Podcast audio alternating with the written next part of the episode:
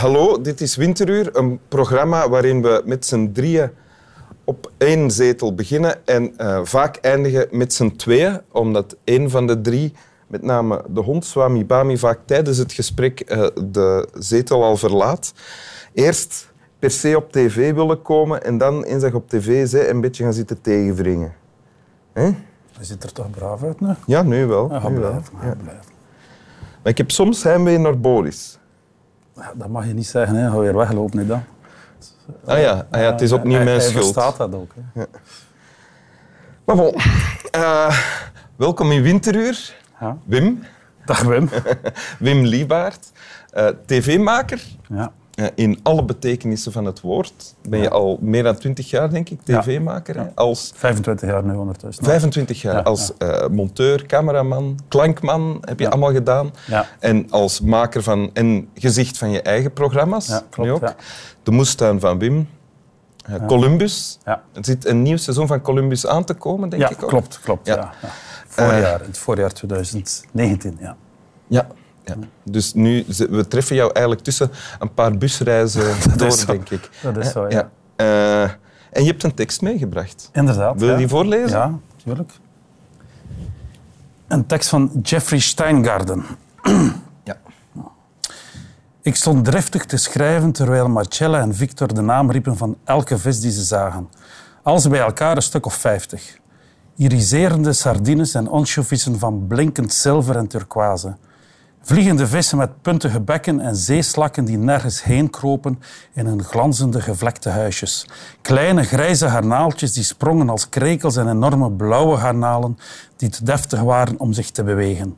Mosselen met een ah, Navajo-dessin op de schelp en kammosselen zo klein als asprintjes. Tere platvissen om te grilleren of te bakken en gestreepte vissen vol graten voor risotto of soep. Ruitvormige tarbot en breed uitwaaierende roggen met inkt besmeurde inktvis, pijlinktvis en octopus. We keken hoe een vishandelaar een berg sardines met zijn handen van graten en ingewanden onteed, terwijl een collega een zeeduivel slachtte om de staart te verkopen als coda di rospo, de wangen voor in pastasaus en de groteske kop om soep van te trekken. Fantastisch, hè? Ik had, ik, had het, ik eh, wel, ik had het gevoel dat hoe langer de tekst duurde, hoe moeilijker het werd om hem voor te lezen. Eh, Ik, ik zie die vissen voor mij. Hè. Ik proef die vissen bijna. Hè. Ja, ik vind dat fantastisch. Hij beschrijft de scène op eh, de grote markt van Venetië. Ja? De Rialto-markt. hè. Hij is Jeffrey Steingarten. Jeffrey Steingarten ja. is een Amerikaanse schrijver. ja? Die schrijft columns. Hè, en die beschrijft... eh, die schrijft over eten in zijn brede vorm. Eh, en in dit hoofdstuk van het boek gaat hij eigenlijk op zoek naar, in dit geval, een zeebanket in de lagune van Venetië. Een zeebanket. Een zeebanket. Hij is het zot van zeevissen en eh, in zijn fantasie is daar de beste zeevis te vinden van over heel de wereld. En dus hij gaat, na- hij gaat daar naartoe en hij laat zich dan rondleiden door Marcella en Victor. Inderdaad, ja, inderdaad. En het begint dat ze naar de markt gaan, dan ze de vis inspecteren, dan ze vis meenemen. Ze gaan er dan mee aan- de slag, ze koken ermee. Ja. Maar het is zeer grappig beschreven, dit stuk nu niet, maar eh, hij is werkelijk bezeten van eten. In andere hoofdstukken bijvoorbeeld eh, gaat hij naar de Etna op Sicilië, de oorsprong van ijs. Hè, omdat de Italianen, de oude. Grieken maakten het eigenlijk met eh, ijs die nog op de Etna lag. Namen ze dat ijs mee naar beneden, ze deden daar smaak bij en ze maakten een soort granita. Ja, kijk dat, granita, Nee. dat is eh, een soort waterijs. Ah, ja. Ik heb dat altijd Een soort betalen. o- oerijsje van, Oerijs. Hij gaat altijd op zoek naar de oervorm van voedsel. Ja, Van waar komt ja. het? Hoe kun je het best klaarmaken? Hoe kun je het best kopen? Hoe kun je dat herkennen? En hij geeft dan ook, blijkens dit eh, fragment, veel aandacht aan al- alle, elk detail van elk soort vis hier in dit geval. Ja, hè? maar details bestaan niet. Hè. Details, dat, dat is een verkeerd woord, dat mag niet bestaan. Hè. Is dat zeggen- zo? Ja, natuurlijk, ze zeggen details zijn belangrijk. Nee, alles is belangrijk, dus details mogen niet bestaan. En, bij- en dat is bij alles zo, vind ik. En Dus je maakt geen verschil tussen hoofdzaken en bijzaken. dat is een probleem die ik heb, ja. Maar. Het is zeer vervelend voor mijn omgeving, maar details ja, ik, vind dat, eh, ik heb een hekel aan dat woord. Het zijn maar details. Nee, nee, nee, nee. nee. Nou, het moet juist zijn. hè. Oké, ja. Het is een tekst zonder hoofd of bijgedachten. Het is een, Ja. alle- alles is belangrijk. Ja, je dat soms niet in mijn hoofd zetten. Ja. Eh, en, eh, en, wa- en waarom heb je dit gekozen? Omdat, het is een van mijn lievelingsboeken. De man die alles at. Waarom? Omdat ik... Dat zijn, zijn, dat zijn die columns die daarin dat is een verzamelen. verzameling van columns. Hè. En hij heeft er twee Over eten. geschreven. Ja. Je moet weten, die mens was vroeger een advocaat in New York. Die heeft Harvard gestudeerd. En op een bepaald moment, rond, de, rond zijn veertigste, hij gezegd... Ik kan eigenlijk doen in mijn leven wat ik graag doe. En hij heeft dat gestopt. Eh, hoe betaalde een job. En is beginnen schrijven over eten. Want dat is wat hij graag doet. Hij Ja. eet graag. Ja. En, eh, ja, en hij Ik schreef... vroeg je eigenlijk, waarom heb je dit gekozen? Ik gok, eh, er is sprake van herkenning. Juist, ja. Die mens is bezeten van eten. Ik ook. Ja? En soms denk ik dat dat een, eh, een afwijking is. Soms denk ik van mezelf van, hm, allee, dat dat niet helemaal normaal niet meer is. Maar dan lees ik dat boek, dan neem ik dat ter hand en dan denk ik van, ah, het is een verlossing om te weten dat er nog zo'n mensen bestaan. Ah, ik ben niet alleen, denk je dan. Ja, ja, maar op welke waar. momenten denk je van het is niet meer normaal? Eh, geef eens een voorbeeld van dat, wanneer dat het... Op veel momenten. Hè. Als ik bijvoorbeeld naar de vismarkt ga, hè, eh, dan kan ik wel eh, daar ook heel, heel diep in doorgaan. Maar bijvoorbeeld in mijn moestuin bestaan 6000 tomatenvariëteiten. Eh, ik probeer dan uit te vissen welke dat de tomatenvariëteit is om pastasaus mee te maken. Maar dat is uiteraard een ander om hem in carpaccio te snijden. Dat is uiteraard een ander om daarmee blokjes te maken en iets bij aan, aan toe te voegen. Ja, soms ga ik daar wel heel ver in. Als ik iets niet vind in de winkel, dan kweek ik het. Om maar een voorbeeld te geven. En waarom is dat een probleem? Wordt het vermoeiend voor jou of voor je omgeving? Of voor, eh, Voor mij kan dat vermoeiend zijn, voor mezelf, maar voor mijn omgeving ook soms. Als ik bijvoorbeeld aan het koken ben en het is niet perfect zoals ik wil, kan ik in een grote colère als in de vuilbakkipper. Ah, ja, ja. Ja, dat kan ik soms doen. maar ben aan het milderen. Hè. Dus de, de, ja. de kantjes zijn er dan nog Maar als het wel lukt, is er alleen maar plezier en voldoening. Ja, dan vind ik van mezelf dat ik de beste kok ter wereld ben. Dat is ook het andere uiterste.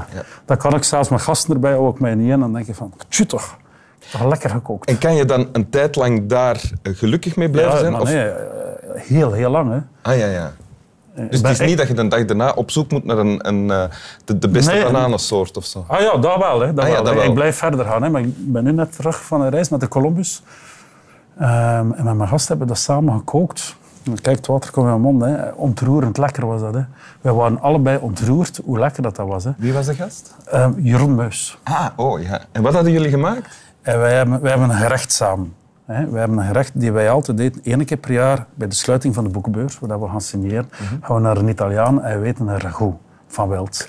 En eh, wij drinken dan daar dan twee hele goede flessen wijn bij. En dat is een moment van vriendschap. We hebben dat nu proberen opnieuw te maken. Ergens te Velde, ergens eh, in het hoge noorden van eh, Engeland. Ja. En dat is gelukt. Maar dan zit je bij je kampvuur, dan zit je... Ja, dan ben je drie dagen op reis geweest en dan heb je al die gevoelens die opkomen samen met dat eten. En dat is allemaal... Hoe moet ik het dan uitleggen? Het wel? Eén pot nat en dan... En, ja, en dat is bijna Dat weet ik nu nog altijd na. Je bent nu nog altijd gelukkig. ja, eten, eten gaat niet over... De, het gaat niet over de perfecte cuisson. Het gaat niet over het juist afgekruid zijn. Het gaat over dat je gevoel erin steekt en dat in je gedachten dat dat, ja, dat, dat, dat mensen verbindt. En op dat, op dat moment was dat Jeroen. Wij Ja. zijn twee waren. Ja, ja. Er stond natuurlijk een cameraploeg rond en een regisseur, maar wij voelden dat niet zo. En het effect van de woorden die je hier nu voorleest, is ook al dermate dat het dat, dat, dat, dat eh, stimuleert of zo. Hè? Ah ja, tuurlijk. Allee, ik- als ik die tekst lees, Ja? heb ik zin om vanmiddag het vliegtuig te pakken en naar Venetië te gaan en daar een week mee in een onder te dompelen. En pas op, hè, die, eh, het, hij begint altijd met eh, een ambetant woord, ik het niet graag mee, maar het ingrediënt. Hè. Die vis die wordt niet afgespoeld als ze uit de zee komt. Nee, nee, die ligt er nog vuil met slijm en dan koken en dan spoel je hem af en kuisen en maak je hem klaar. Hij begint van het begin altijd en dat is, dat is belangrijk. Wil je het nog eens voorlezen? Ja, ik heb er wel heel veel honger gekregen ondertussen. En zin en vis. Echt? Honger. Ho- goesting. Eigenlijk, ik zeg altijd, Wim, ik heb eigenlijk nooit honger in mijn leven. Ik heb altijd goesting. En dat is, iets, dat is een heel, heel groot verschil. Honger is functioneel. Goesting is iets in uw kop. Hè. Ik stond driftig te schrijven terwijl Marcella en Victor de naam riepen van elke vis die ze zagen. Alles bij elkaar een stuk of vijftig. Iriserende sardines en ansjovissen van blinkend zilver en turquoise. Vliegende vissen met puntige bekken en zeeslakken die nergens heen kropen in hun glanzende, gevlekte huisjes. Kleine grijze garnaaltjes die sprongen als krekels en enorme blauwe garnalen die te deftig waren om zich te bewegen. Mosselen met een Navajo-dessin op de schelp en kammosselen zo klein als aspirintjes. Tere platvissen om te grilleren of te bakken en gestreepte vissen vol graten voor soep of risotto. Ruitvormige tarbot en breed uitwaaierende roggen met inkt besmeurde inktvis, pijlinktvis en octopus. We keken hoe een vishandelaar een berg sardines met zijn handen van graten en ingewanden onteet, terwijl een collega een zeeduivel slachtte om de staart te verkopen als code di rospo, de wangen voor een pastasaus en de groteske kop om soep van te trekken. Als je daar geen honger van krijgt, alle, ik weet het niet meer. Hè, dan. Ja. Gaan we gaan eten? ik ga koken voor u. Ik kook voor u. Ja, maar ja, ken dat- jij gerichten om hond klaar te maken.